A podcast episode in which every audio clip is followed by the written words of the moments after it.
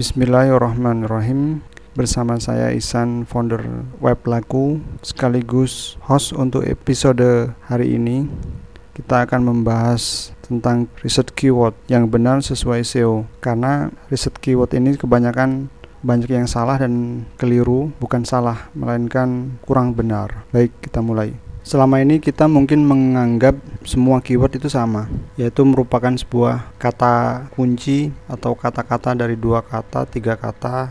Kenyataannya tidak demikian. Kita harus menilai sebuah keyword itu berdasarkan intensitas pencariannya seperti apa karena tidak semua keyword itu memiliki kandung artian yang sama. Ada beberapa keyword yang memang banyak dicari oleh orang atau bahkan keyword yang tidak banyak dicari tapi memiliki manfaat yang berguna atau bahkan sebaliknya keyword tersebut dicari oleh banyak orang tapi tidak memiliki manfaat. Nah, kita hindari keyword-keyword yang seperti itu. Kita harus membuat konten sesuai kata kunci atau keyword yang banyak dicari orang atau bahkan sangat dicari-cari dan isinya juga sangat bermanfaat.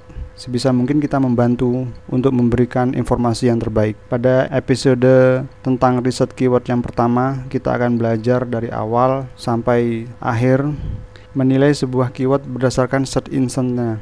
Mungkin Anda sebagian bertanya-tanya, apa sih search engine itu? Bisa diartikan sebagai maksud dan tujuan pencarian itu apa dilakukan. Contoh, ada orang pengguna internet melakukan pencarian di search engine Google dengan kata kunci misalkan laptop Asus atau kamera Canon atau kamera DSLR. Yang kedua e, dengan tiga kata, misalkan beli laptop Asus, beli HP Xiaomi. Yang ketiga kata kuncinya lebih dari dua kata bisa 4, 3, bisa 5 atau bahkan lebih kata. Jadi intinya kata kuncinya lebih panjang daripada dua kata yang sebelumnya. Contohnya laptop Asus terbaik di bawah 5 jutaan atau kamera terbaik harga di bawah 1 jutaan atau handphone game terbagus tahun 2019 misalkan. Kira-kira apa hasil pencarian yang mereka harapkan untuk masing-masing keyword tersebut? Anda bisa membayangkan perkiraan data yang dimunculkan oleh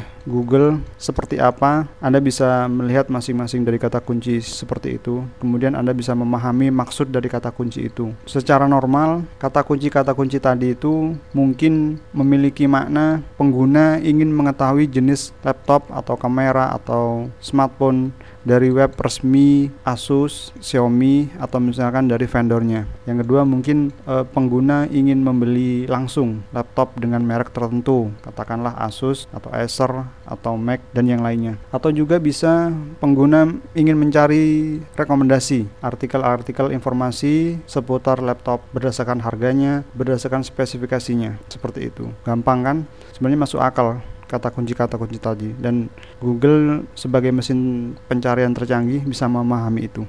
Dengan model seperti itu, kita bisa memahami, bisa mengetahui cara kerja Google seperti apa. Google paham bahwa orang yang menggunakan kata kunci beli laptop Asus atau beli kamera Xiaomi atau beli kamera Canon pasti ingin membeli, bukan ingin sekedar hanya melihat-lihat. Kemungkinan besar mereka pasti akan membeli. Maka dari itu, halaman produk-produk dari toko online akan mendapatkan peringkat ke atas. Sangat mudah sekali mereka masuk ke jajaran top 10 dengan kata kunci ada embel-embelnya beli. Sedangkan konten artikel sangat mustahil bisa masuk bersaing dengan kata kunci-kata kunci itu karena Google bisa memahami orang dengan mengetik kata beli saja nggak mungkin yang muncul adalah artikel informasi. Tentunya tidak relevan dengan e, pencarian yang pengguna cari. Bagaimana dengan keyword yang pertama? Hanya dua kata misalkan laptop Asus atau kamera Xiaomi atau kamera Canon atau smartphone murah.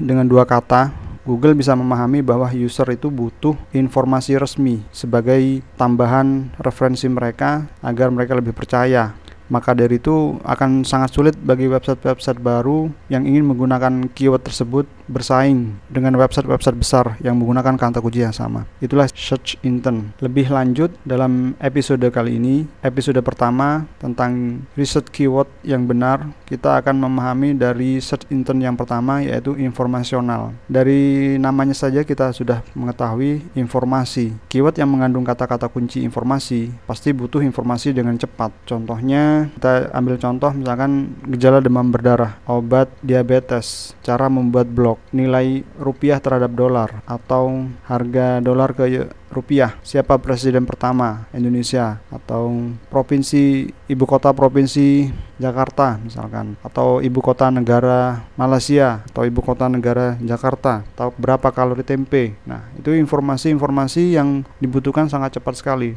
dengan kata kunci-kata kunci seperti ini, Google juga bisa memahami maksud dari pengguna yang ingin menggunakan kata kunci. Bisa dipahami ya. Maksudnya seperti ini. Dengan konten yang kita berikan harus informatif harus informasi. Informational intent ini merupakan keyword yang paling banyak volumenya dibandingkan intent lain karena itu website yang berisi informasi banyak bertebar internet. Jadi kita tidak akan mudah, sangat sulit sekali untuk menggunakan kata kunci ini terutama untuk blog-blog yang masih baru. Kebanyakan informasi yang dimunculkan kata kunci informasi adalah dari website besar seperti Wikipedia, Detik, Kompas, Kaskus atau mungkin dari beberapa situs-situs berita yang, yang sudah kita umum ketahui. Ada beberapa beberapa yang harus Anda perhatikan bahwa Google itu memahami user dengan mendapatkan informasi yang cepat, maka keyword yang bersifat informasi ini Google akan memberikan langsung jawabannya tanpa harus membuka website dari informasi tadi tadi. Jadi misalkan berapa tinggi Monas di pencarian di search engine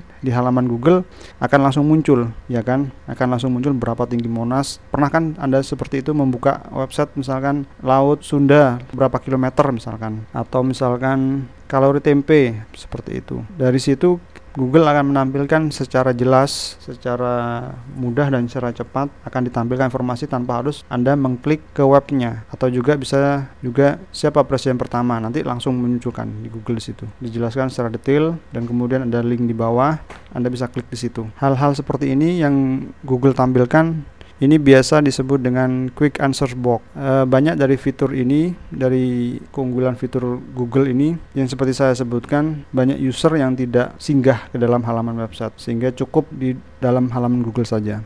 Kalau dalam konten bahasa Inggris sangat banyak sekali. Kalau untuk bahasa Indonesia masih jarang dan ada beberapa website yang sudah ditampilkan seperti itu. Mungkin ke depannya untuk bahasa Indonesia akan lebih sering lagi Google akan menampilkan informasi-informasi secara cepat seperti ini. Jadi hati-hati dalam memilih keyword, jangan sampai kita terjebak dengan kata kunci-kata kunci yang seperti ini. Anda bisa praktekkan untuk pencarian kata kunci ini. Mudah-mudahan Anda bisa memahaminya. Kita lanjut ke search intent kedua tentang navigasional. Kata kunci ini volumenya sangat besar tapi tidak bermanfaat. Kenapa? Biasanya eh, pengunjung mencari kata kunci-kata kunci yang berfungsi navigasi ini hanya ingin langsung mengunjungi website cuman dia lupa link kategorinya apa. Contohnya misalkan ingin mengunjungi website Garuda Indonesia atau kereta api atau Kaskus Lounge atau login ke halaman Facebook atau login ke eh, Instagram atau misalkan ingin langsung kategori tertentu di dalam marketplace. Mereka yang menulis kata kunci-kata kunci seperti ini tidak ada tujuan lain untuk singgah atau mampir muter-muter ke blog atau ke website di luar yang selain yang mereka tuju. Inginnya langsung aja begitu. Paham kan? Jadi hindari keyword ini. Saya tidak membahas secara panjang detail. Yang ketiga adalah commercial investigation. Kebanyakan dari pembeli sebelum mereka memutuskan untuk membeli suatu produk, mereka akan survei dulu melihat harga, spesifikasinya, eh, kemampuan produk tersebut atau fitur-fiturnya. Jadi begitu mereka pas dengan cara investigasi ini dengan survei, mereka akan memutuskan untuk membeli. Kebanyakan akan membaca-baca deskripsi dari masing-masing produk, mana kekurangannya, mana kelebihan dari fitur-fiturnya, siapa aja yang su sudah menggunakan dan ingin mengetahui review-review yang sudah banyak yang menggunakan apakah barang ini bagus atau jelek seperti itu.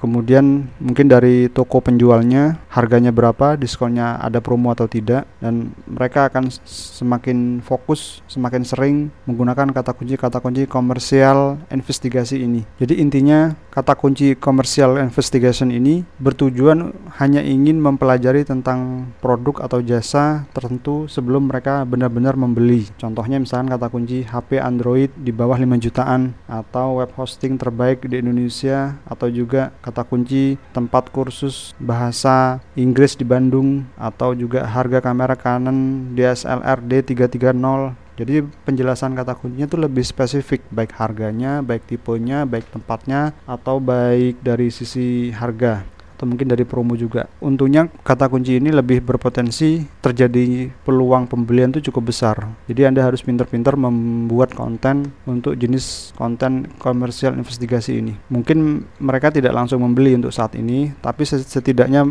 sudah menimbang men memutuskan dari artikel mana yang terpercaya dan bagus sehingga mereka bisa membeli produknya. Syukur-syukur kalau bisa Anda membuat konten yang bagus dengan berisikan keyword eh, investigasi uh, komersial investigasi ini di bawahnya Anda sertakan link pembelian produk tersebut. Eh, itu akan lebih bagus lagi.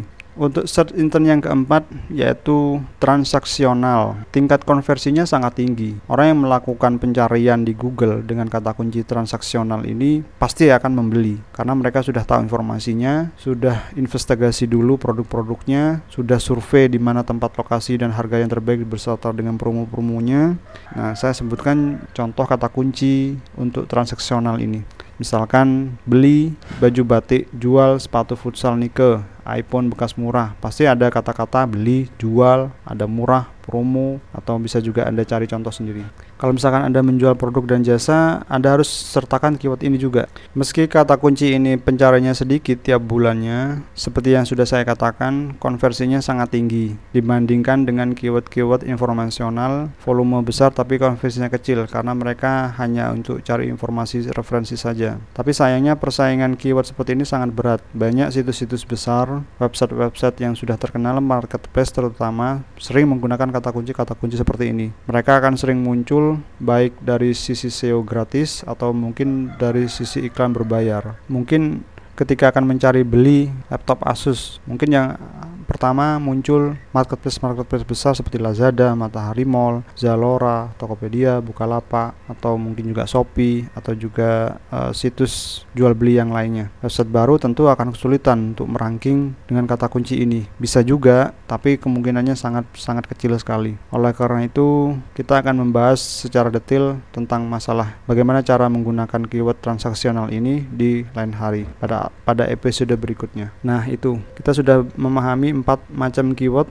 nanti kita akan memahami lagi strategi keywordnya seperti apa. Kita sudah belajar empat keyword tadi ya. Dari keyword-keyword yang sudah disebutkan secara rinci tadi ada volume besar tapi nilainya kecil informasional. Ada juga yang volumenya kecil tapi bernilainya besar konversinya besar yaitu transaksional. Uh, terus apa yang saya gunakan? Terus apa yang anda gunakan? Keyword mana yang harus anda pilih? Informasikah atau transaksionalkah? Nah sebelum saya bahas lebih lanjut ada satu kesalahan yang paling umum dalam SEO dan online marketing secara umum yaitu kebanyakan webmaster atau konten kreator terlalu fokus terlalu fokus di kata kunci transaksional. Jadi kebanyakan konten-konten di halaman website itu hanya mengincar kata kunci-kata kunci transaksional. Kata kunci lainnya mereka abaikan karena terlalu terkeburu untuk penjualan atau selling jangan lakukan seperti ini. Akibatnya apa? Eh, pengunjung-pengunjung website tidak valid mendapatkan informasi yang memuaskan sehingga mereka kecewa karena informasi yang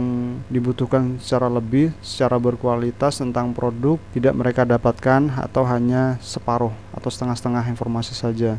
Padahal ini tentu peluang sangat besar untuk kita jelaskan kepada pengunjung meskipun mereka tidak membeli ke kita, paling tidak mereka bisa mendapatkan informasi dan ingat blog kita atau setidaknya kita mendapatkan traffic dari kunjungan mereka. Bisa paham kan? Atau yang kedua, website Anda jadi terlihat mencurigakan karena terlalu banyak bombardir postingan-postingan hanya jualan-jualan saja dan tidak terpercaya pula. Yang ketiga mungkin Anda sulit mendapatkan peringkat rating tinggi karena konten informasi lain sangat tipis. Kebanyakan informasi deskripsi produk saja. Itu pun juga tidak jelas dan tidak berkualitas pula. Jadi saya sarankan anda harus punya jenis tiga keyword yang ingin Anda buat mumpung belum punya blog atau website Anda fokus di informasional diperbanyak komersial investigasi setengah-setengahnya atau lebih sedikit dari informasional tadi. Kemudian transaksional. Keyword transaksional ini lebih sedikit lagi dari dua keyword tadi. Jumlahnya tergantung. Kalau misalkan anda sanggup untuk membuat postingan informasi diperbanyak kuantitasnya. Informa informasi blog-blog artikel informasi diperbanyak Anda perbanyak tentang uh, layanan apa yang ingin Anda informasikan secara detail. Kemudian komersial investigasinya dan transaksionalnya dibuat tapi tidak sebanyak keyword informasi Kalau misalkan Anda tidak mampu karena keterbatasan sumber daya untuk membuat artikel informasi, maka saran saya komersial investigasinya diperbanyak dan diperbagus. Anda harus memberikan komersial investigasi yang sangat berkualitas. Yang terpenting, jangan buat terlalu banyak konten kata kunci kata kunci transaksional. Jadi kata kunci transaksional boleh dibuat, tapi Anda harus fokus kepada kualitas bukan jumlahnya. Keyword informasional ini harus berhubungan dengan jenis produk yang Anda jual. Tentu, Anda misalkan menjual produk kecantikan dan artikelnya juga harus relevan tentang informasi-informasi tip kesehatan, merawat tubuh misalkan atau cara merias. Kemudian di samping kanan kiri artikel Anda sisipi dengan iklan atau banner yang relevan dengan artikelnya. Jadi bisa dipahami ya, kira-kira seperti itu. Saya rasa cukup untuk episode pertama ini tentang riset keyword dengan topik search intent, memahami search intent. Kita akan bahas pada episode selanjutnya tentang bagaimana cara mencari keyword yang benar melalui tool gratisan. Saya Iksan dari Web Lagu. Terima kasih sudah mendengarkan. Sampai bertemu di episode selanjutnya.